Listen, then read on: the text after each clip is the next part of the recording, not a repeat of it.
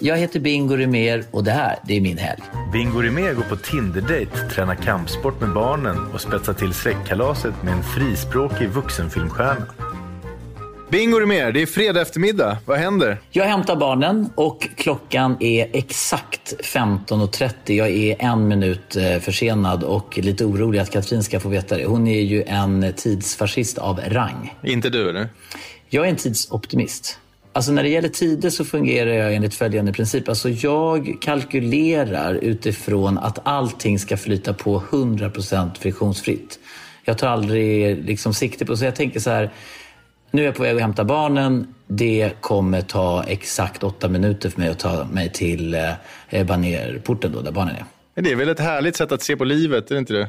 Jo, det tycker jag tills jag är då tio sekunder för sen till middagen med Katrin. Då blir det ju inte lika roligt.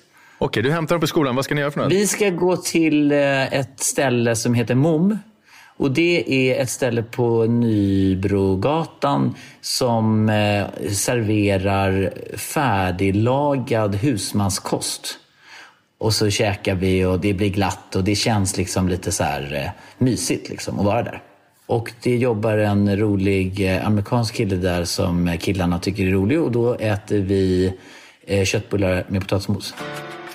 När vi har käkat så åker vi eh, till Södermalm. Där har ju jag ett ställe som är som en, vad ska man säga?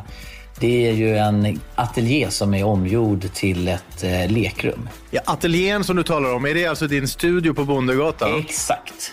Det kallades ju studion, vi ska vara transparenta här i Svenska Dagbladets podd. Du och jag känner ju varandra väldigt väl. Under lång tid så kallade man det där för studion, men nu i takt med att du har blivit mogen så kallar du alltså samma lokal för ateljén. Det är ju talande. Ja, men det är talande. Ja, men studion. Men det har ju till och med gått under benämningen syndens näste. Men det är det inte längre? Nej, men alltså, vet du, det kan faktiskt bli det. För att jag har ju börjat tänka lite så här att jag måste ju försöka bibehålla något slags eh, synder. Jag leker med tanken att man kanske möjligtvis kan kombinera chins och träningsutrustning med kanske så här lite klassisk engelsk överklass sexutrustning, tänker jag. Det här är ju en lokal som du har haft, den är ju känd för en stockholmare nästan. Det har liksom, man har sett den i, i tv-program. Det känns som den kanske följer ditt liv i övrigt. Tidigare har det ju liksom varit mycket flipperspel och liksom en, en krokodil som låg där och ganska mycket nakna kvinnor på väggarna. Har den här mognat även lokalen precis som du då? Jag skulle säga att den här lokalen har gått igenom samma fantastiska transformering som jag själv. Den har mognat och utvecklats. Den har gått igenom en eh, en personlig eh, utveckling som faktiskt stämmer överens. Nakenbysterna är ersatta av grönkålsodlingar? Ja, men det, det, skulle man kunna säga. Vi är tillbaka här på fredagskvällen och vi är på Bondegatan. Va, va, eh, berätta vad ni gör för något. Nej, men det som händer på Bondegatan är ju att det är ju så härligt att vara där, för där får ju barnen liksom lite fritt spelrum för att hitta på saker. Alltså vi kan bygga en skateboardramp och åka skateboard där inne i den lokalen. Hur gamla är dina grabbar? Ringo är ju åtta år, Rambo fem och sen är jag ju lite bonuspappa till eh, Falke som eh, fyller två år i mars och eh, Nova fyller 16 år i april och då ska hon slå på stora trumman med min hjälp. Så det blir ju Sweet 16 party i ateljén. Sen åker vi hem till den här lägenheten som jag lånar under alla de här byggnationerna som jag håller med Så det, det är en lägenhet som också ligger på Södermalm. Och där blir det lite mysigt eh, nattande. Så jag läser en bok för barnen. De får välja en bok. Mm. Och sen så nattar jag. Mm. Barnen har somnat. Vad står på tur för dig? Mm. Det är roligt att du frågar, för nu har jag nämligen löst det så finurligt att det kommer en gullig eh, barnvakt hem till mig som heter Elvira. Så att när hon kommer hem till mig, då kommer jag tassa ner på Nytorget 6. Vem väntar där då? Där väntar en gullig tjej som jag har träffat på Tinder. Som eh, jag eh, äter eh, en trevlig middag med. Och dricker väldigt mycket gott vin. Nytorget, det är bra krog. Vad beställer du för något? Ikväll så äter jag alla deras små tacorätter som jag tycker är helt fantastiska.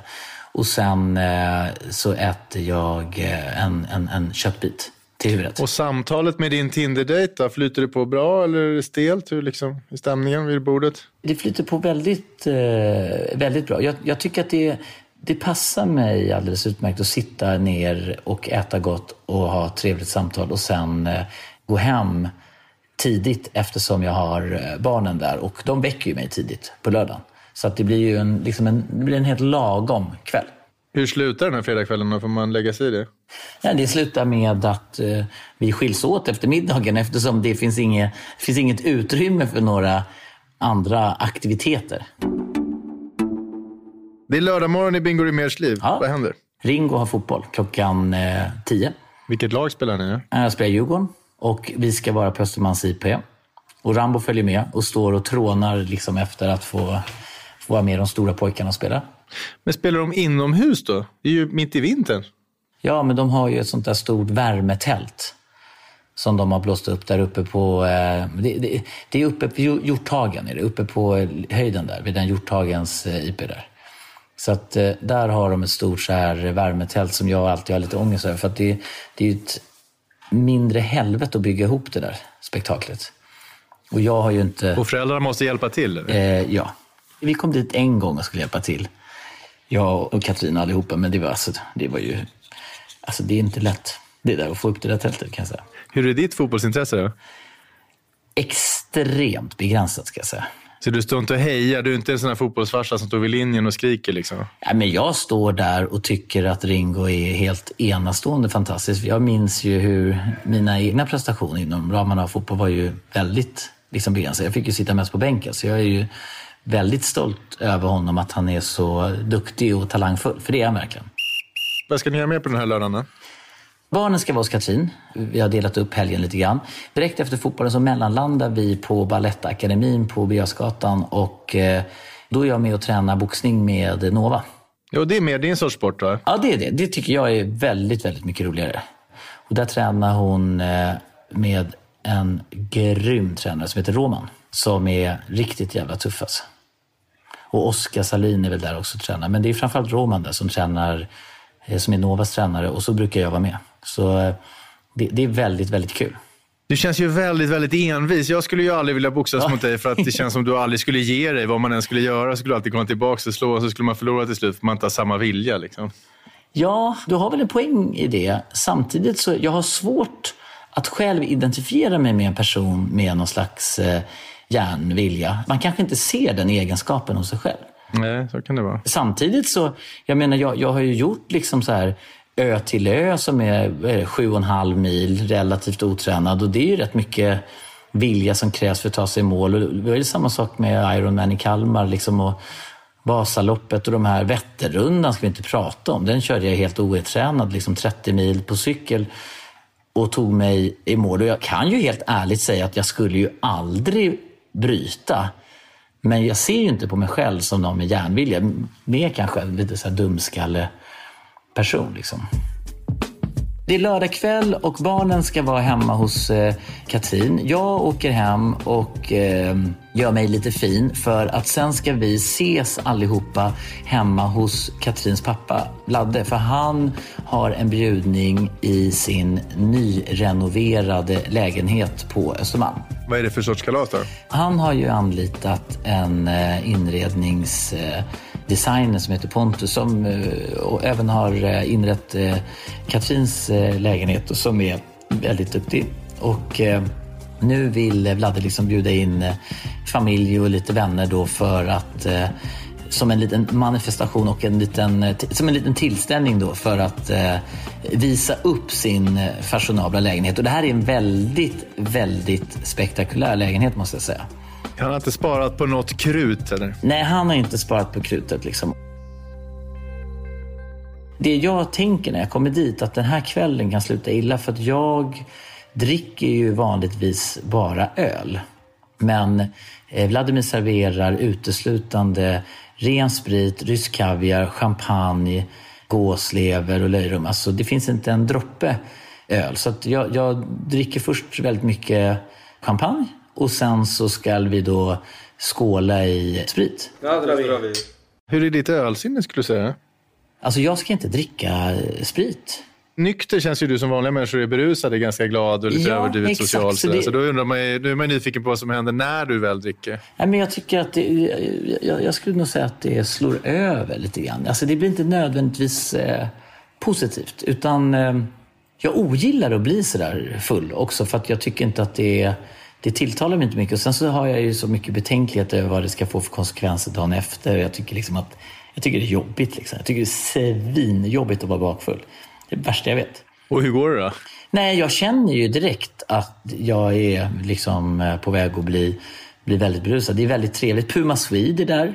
Det tycker jag också är en liten så udda fågel i ett sånt där lite mera släktsammanhang. Ja. Nej, men alltså, hon är så ohämmad, Puma Swede. Så hon står och berättar för mig om någon kille som hon eh, har haft någon sexchatt med på eh, över, eh, om det är Skype eller vad hon nu gör, videochattat. Och, när, och jag, jag ser liksom i ögonvrån hur Micke, då Vladdes bror, står och lyssnar på det här. För han, har inte, han vet ju inte vem Puma Swede är. Men det, det är ju alltid väldigt intressant att se människors reaktion när de träffar Puma Swede. Hon sparar inte på krutet när hon berättar saker. Alla de här gångerna man gick hem på Stureplan eller och låg gratis. Jag bara, fan, borde haft med sig inbetalningskort och bara, ja. Så jag slösade bort några ligg där, gratis ligg. Sen går vi ner till Chichos och tar ett eh, bord och där är det ett jäkla eh, pådrag. Och det blir ju inte sämre av att jag och Vladde, Alex, Katrin, allihopa eh, sett, eh, slås ner där. Och efter ett tag så upptäcker jag till min stora förtjusning att eh, vi har bordet bredvid prinsessan Madeleine. Och då har även Viktor kommit och mött upp mig. Viktor är en kille som jobbar för mig. För egentligen så skulle jag till jobbet och avsluta lite saker. Så Viktor sitter alltså på jobbet och väntar på mig. Men jag säger för att liksom vinna lite tid så säger jag Viktor, det är bättre att du eh, kommer hit och tar en öl. För jag tänker att jag kan liksom få bort det här jobbfokuset då. För då har jag ju druckit ganska mycket sprit. Men det är en fin bild jag ser framför mig. Det är du och Puma Swede och Katrin och några. Så sitter prinsessan Madeleine med bordet bredvid. Ja. Det är en eklektisk mix. Ja, det är det. Det är, det är en väldigt eh, rolig. Och det, det är ju någonting, tycker jag, med eh, prinsessa Madde. Alltså hon, det finns ju en, liksom en aura, en spännande aura runt henne. Vid det andra bordet så sitter eh, Tora Svensson med ett gäng tjejer och jag känner väl att när kvällen utvecklas i den riktningen som det gör så känns det ju inte så... Eh, ja, då kanske man vill liksom lämna den här familjekonstellationen och kanske eh, hitta på någonting annat. Folk eh, avviker eh, från vårt bord eh, i sakta takt. Så det slutar med att jag följer med Tora och hennes kompis till vad är Escalier heter det där. va? Men det finns någon klubb där på Escalier. Inne på, liksom, det är ju inne i själva gallerian. Man går in för Humlersgatan in i Sturegallerian. där. Exakt, exakt. Och den klubben kommer jag inte ihåg vad den hette. Men där var det ett, ett eh, jäkla pådrag. Det heter Charlans tror jag. Ja, det kanske det Charlans heter. eller något sånt där. Ja. Ja, något sånt Var det kul ja. eller? Ja, men det var kul. Det är liksom som en lång bar och det, är liksom, det känns liksom så här... Mitt första liksom, genuina intryck av liksom, Stureplans närvaro, det var ju Spybar. Och Spybar var ju... Det var ju där liksom hela Stureplansgruppen la grunden för sitt krogimperium. Alltså Vimal och Micke Becker. Och för mig så, jag har ju fortfarande än idag så svårt att liksom förstå att det har blivit så kreddigt nu. Liksom. De här ställena som är, de, det är ju cred nu för tiden. Liksom. Ja, Svenjare på din tid menar du? Spybar var ju liksom, det var ju Svennebanan, men det var ju liksom det att Fadde stod i dörren och liksom Micke Bäcke vände skivor och Runar och Alban höll låda. Det var ju liksom, Björn Borg var där, så det var ju lite mer sådär, det var ju ett annat klientel liksom.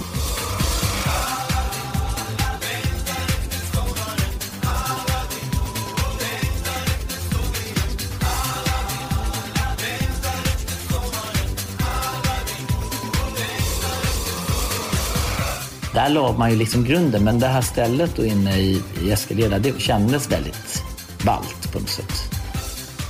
Sen smiter vi vidare upp till eh, Sturecoop. Nu, nu börjar jag bli eh, riktigt full faktiskt. För jag dricker väldigt mycket drinkar. Är du nära att dra i handbromsen nu snart eller rullar du på bara? Ja, men det är ju det som är så dumt att jag har ju någon slags punkt där jag inte längre kan dra i. Och jag tror att det delvis är kopplat till min diagnos.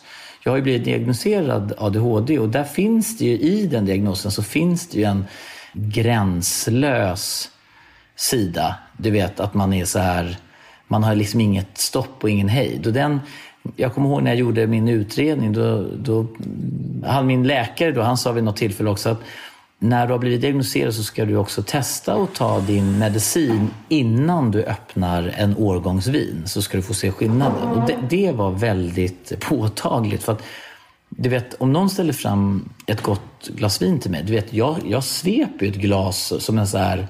Men om jag tar min medicin, då, då kan jag... Det blir mycket mer njutningsfullt. Jag sitter liksom jag, jag, sveper inte i tre klunkar om du förstår vad jag menar. Du, jag är ganska nyfiken på vad den här gränslösheten ska ta dig den här natten. Då. Ja.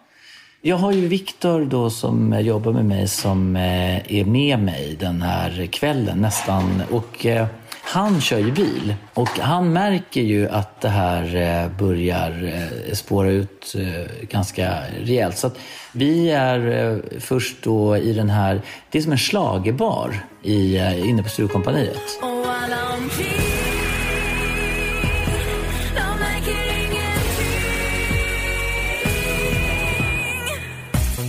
Och där eh, dricker vi drinkar och jag har fortfarande liksom eh, hållit ihop med det här tjejgänget och varje gång jag frågar vad jag ska köpa för drinkar till så säger de vodka Red Bull. Jag tycker det är gott. Ja, men det är ju så sjukt att dricka så där mycket vodka Red Bull för det är ju liksom, man blir som ett så här...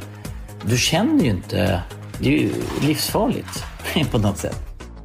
Hur avslutas den här natten då? Den avslutas med att eh, Viktor, han tappar bort mig, men hittar mig när jag står med några lite halvsuspekta typer utanför Sturecompagniet och på väg på någon väldigt obskyr efterfest. Och så han räddar dig helt enkelt? Ja. Bra assistent ju. Väldigt, väldigt bra. Så han tar hjälp av personalen på Sturecompagniet och lotsar mig bort det. Så att, eh, han har min bil lastar in mig i bilen och eh, kör upp mig till Mornington. Där hjälper han in på ett rum och där däckar jag. Och då vill jag vara tydlig med att den här typen av eh, alkoholaktiviteter förekommer ju kanske max en gång om året för mig. Och det råkade bli just den här lördagen. Och då vaknar du inte särskilt tidigt på söndagen antar jag? Nej, jag eh, sover ruset av mig och sen så är det dags för mig att eh, bege mig till eh, Babsha. Och det är familjemiddag. Och det här är ju inte helt optimalt när man är fruktansvärt bakfull. Alltså som om det vore liksom nyårsafton dagen innan. Men du förväntas liksom hålla en god Ja, men det gör jag. Ja, stil. men det gör jag alltid. Alltså jag har ju en, en eh, det är ju min eh, styrka. att Jag har ju alltid jag är alltid på relativt bra humör om det inte är någonting som skaver rejält. Liksom. Babsha är din svärmormor, eller vem är det? Ja, så när, när Vladde är i, i Sverige, det är, det är Vladimirs eh, mamma, då är det väldigt mycket fokus på honom och på Babsha och så liksom är det väldigt mysigt för eh, Ringo, Rambo, Falke och du vet, eh, Lea och Laura och alla barnen. Så det är lite så här familjärt. Polsk mat och, och liksom polsk kultur. Mycket polskt hela helgen ju. Ja, väldigt mycket. Den här helgen råkade bli väldigt mycket polskt för att eh, Ladde är hemma från Frankrike. Så det är ju bara att liksom ställa sig ledigt. Och jag är ju, alltså jag träffade alltid min morfar när han levde på söndagar. Så vi träffades alltid ute på Björnbo på Lidingö där han eh, bodde som pensionär och eh, käkade som en slags eh, söndagsbrunch Liksom. Så jag åkte ut till honom varje söndag klockan fyra. För mig så är den här typen av liksom, familjeaktiviteter ersätter lite den. Jag förstår. Du är en ganska familjekär person va? Ja, det är, eller, ja. Jag, jag, vet, jag tänker inte så mycket på det sättet, men eh, jag antar allting, allting är ju relativt. Det, för mig kommer det ganska naturligt, så att säga. Du, hur avrundar du hela den här dagen? Jag avrundar med ett träningspass på Nordic Wellness där på eh, Garnisonen. Åh herregud, efter den här lördagnatten, det är starkt. Vad blir det för träning idag då? Alltså, jag kör lite på roddmaskinen, jag kör stakmaskin, jag kör lite hantlar och jag har lite så enkla övningar som jag kör. Jag kör väldigt mycket liksom rygg och axlar. Jag, tycker det, jag har ju liksom jobbat som fotograf i över 20 år så jag har ju alltid fått se till att regelbundet träna min eh, ryggmuskulatur. Det är söndag kväll och du ska precis lägga ditt huvud på kudden. Eh, och när du tänker tillbaka på den här helgen, vad var det finaste som hände? Nej, men det roligaste var när jag skulle natta Rambo så dricker jag vatten ur en flaska och då rycker han flaskan så att jag liksom spiller vatten på mig själv. Och så ligger han och dricker flaskan och då rycker jag tillbaka den. Du vet, så här som man gör instinktivt. Och han blir så förbannad, Rambo, och bara så här, vad gör du? skriker han. Och jag säger tillbaka, ja men det var ju precis så du gjorde, Rambo. Ja men så kan du inte göra, säger han. Och jag bara, men Rambo, du gjorde så på mig, nu gjorde jag så till dig tillbaka. Det är inte roligt när du gör så. Jag spillde ju vatten på mig också. Men jag blev ju jätteblöt pappa. Ja, men du gjorde så på mig Rambo. Ja, men, men jag är ju ett barn. Du kan ju inte göra så mot ett barn. Nej, det, du måste ju prata med mig pappa. Jag är ett barn. Du måste förklara för mig att jag inte kan göra så. Du kan inte göra så tillbaka. Det tycker jag var en väldigt så här annorlunda. Och du vet när man hamnar i den situationen med en femåring, alltså man känner sig rätt så eh, bortdribblad helt enkelt. Det kändes som att han gjorde tunnel på mig. Jag som ställde frågorna heter Hugo Renberg och producent var Emil Drugge.